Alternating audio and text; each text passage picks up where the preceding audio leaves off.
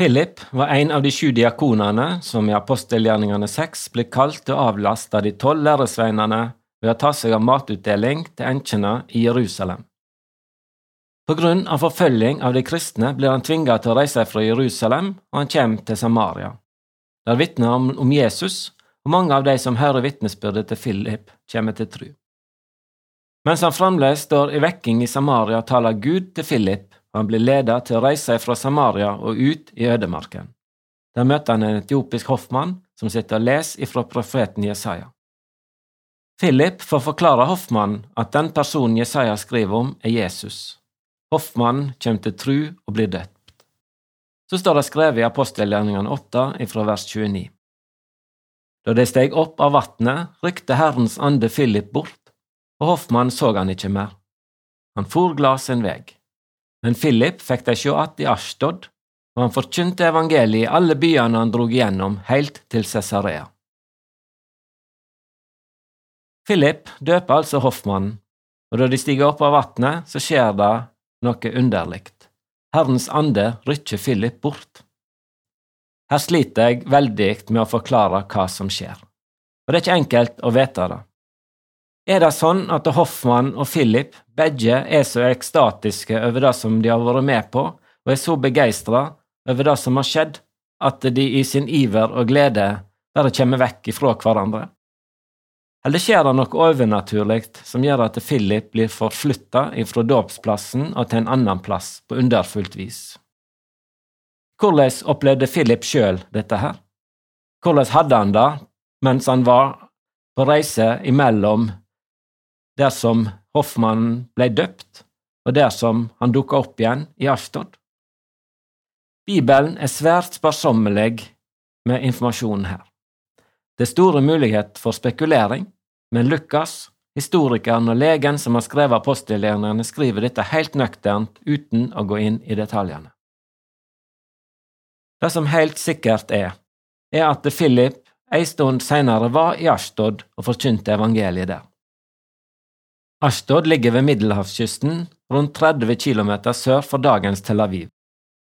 Tel Aviv er en moderne by med litt over hundreårig historie, men i Bibelen så kan vi lese en del om Joppe, eller Jaffa, som ligger sør for Tel Aviv i dag, og i dag er innlemma i Tel Aviv.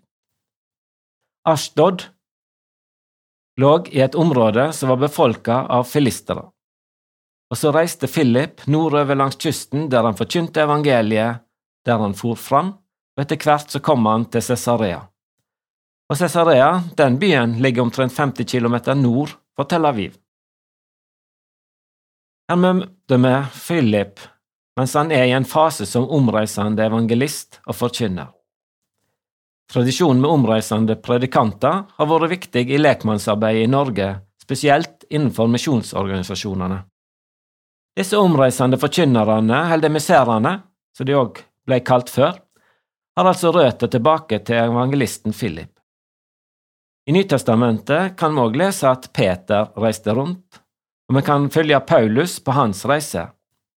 Paulus reiste mye ut over de jødiske områdene og har fått stempelet som den store hedningemisjonæren, den som gikk med evangeliet til andre enn jødene. Og som vi har sett her, så var altså Philip kanskje den første pioneren han var den første pioneren da han kom til Samaria og drev misjon blant samaritanerne. Han møtte den etiopiske hoffmannen, fikk være den som forkynte evangeliet til en fra Etiopia. Og her, i det avsnittet vi har sett på nå i dag, så er han altså å forkynne evangeliet blant filisterne i området sør for Joppe, i byen Ashtod. Philip var tydeligvis bevisst på at uansett hvor han var og hvem han møtte, så ønsket han å være et vitne om Jesus. Selv om livet som fastboende i Jerusalem og det å være flyktning i Samaria, det å være på gjennomreise langs middelhavskysten var svært forskjellig, så var han et vitne uansett, og han delte evangeliet med de han møtte. Dette er en nyttig påminning òg for meg. Det å leve som et Jesu vitne er ikke noe som er knyttet til en spesiell plass eller et spesielt tidspunkt. Jeg har sjøl bodd på flere ulike plasser både i Norge og i utlandet. Gjennom arbeidet mitt er jeg stadig på reise. Jeg har et håp, et ønske og ei bønn om å få være et vitne for Jesus uansett hvor jeg er. Det kan jeg være enten jeg er hjemme i Trøndelag, enten jeg er på jobb i Oslo eller på reise i Norge eller utlandet. Som kristne er vi kalt til å være lys i verden. En kristen er ikke et lys men bryter som en skal slå av og på, alt etter hvor en er eller hva situasjon en er i. Og som salt så kan vi heller ikke velge når vi skal være salt og når vi ikke skal være det.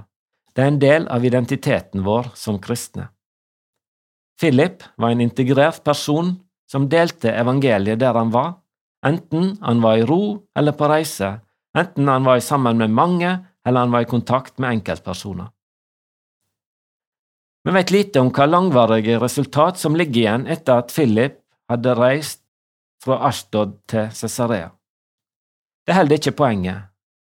Vi er kalt til å være vitne der vi er, eller slik som Paulus skriver til de kristne i Korint. Jeg planta, Apollos vatna, men Gud gav vekst. Så er det ikke noe, korkje den som planter eller den som vatner, bare Gud er noe, Han som gir vekst. Den som planter og den som vatner, er ett. Men de skal få lønn hver etter sitt eget arbeid, for vi er Guds medarbeidere, det er Guds åkerland, Guds bygning. La oss be. Takk, Herre, for alle omreisende predikanter. Vær du med dem i deres tjeneste. Hjelp også og oss til å være lys og salt, enten vi er hjemme, i familien, i nabolaget, på jobb eller på reise. Amen. Det var eh, Olav Vestbøstad som delte Guds ord med oss eh, denne gangen i serien Over en åpen bibel. Den produseres av Norea Mediemisjon. Du finner vårt eh, rikholdige arkiv av andakter på norea.no.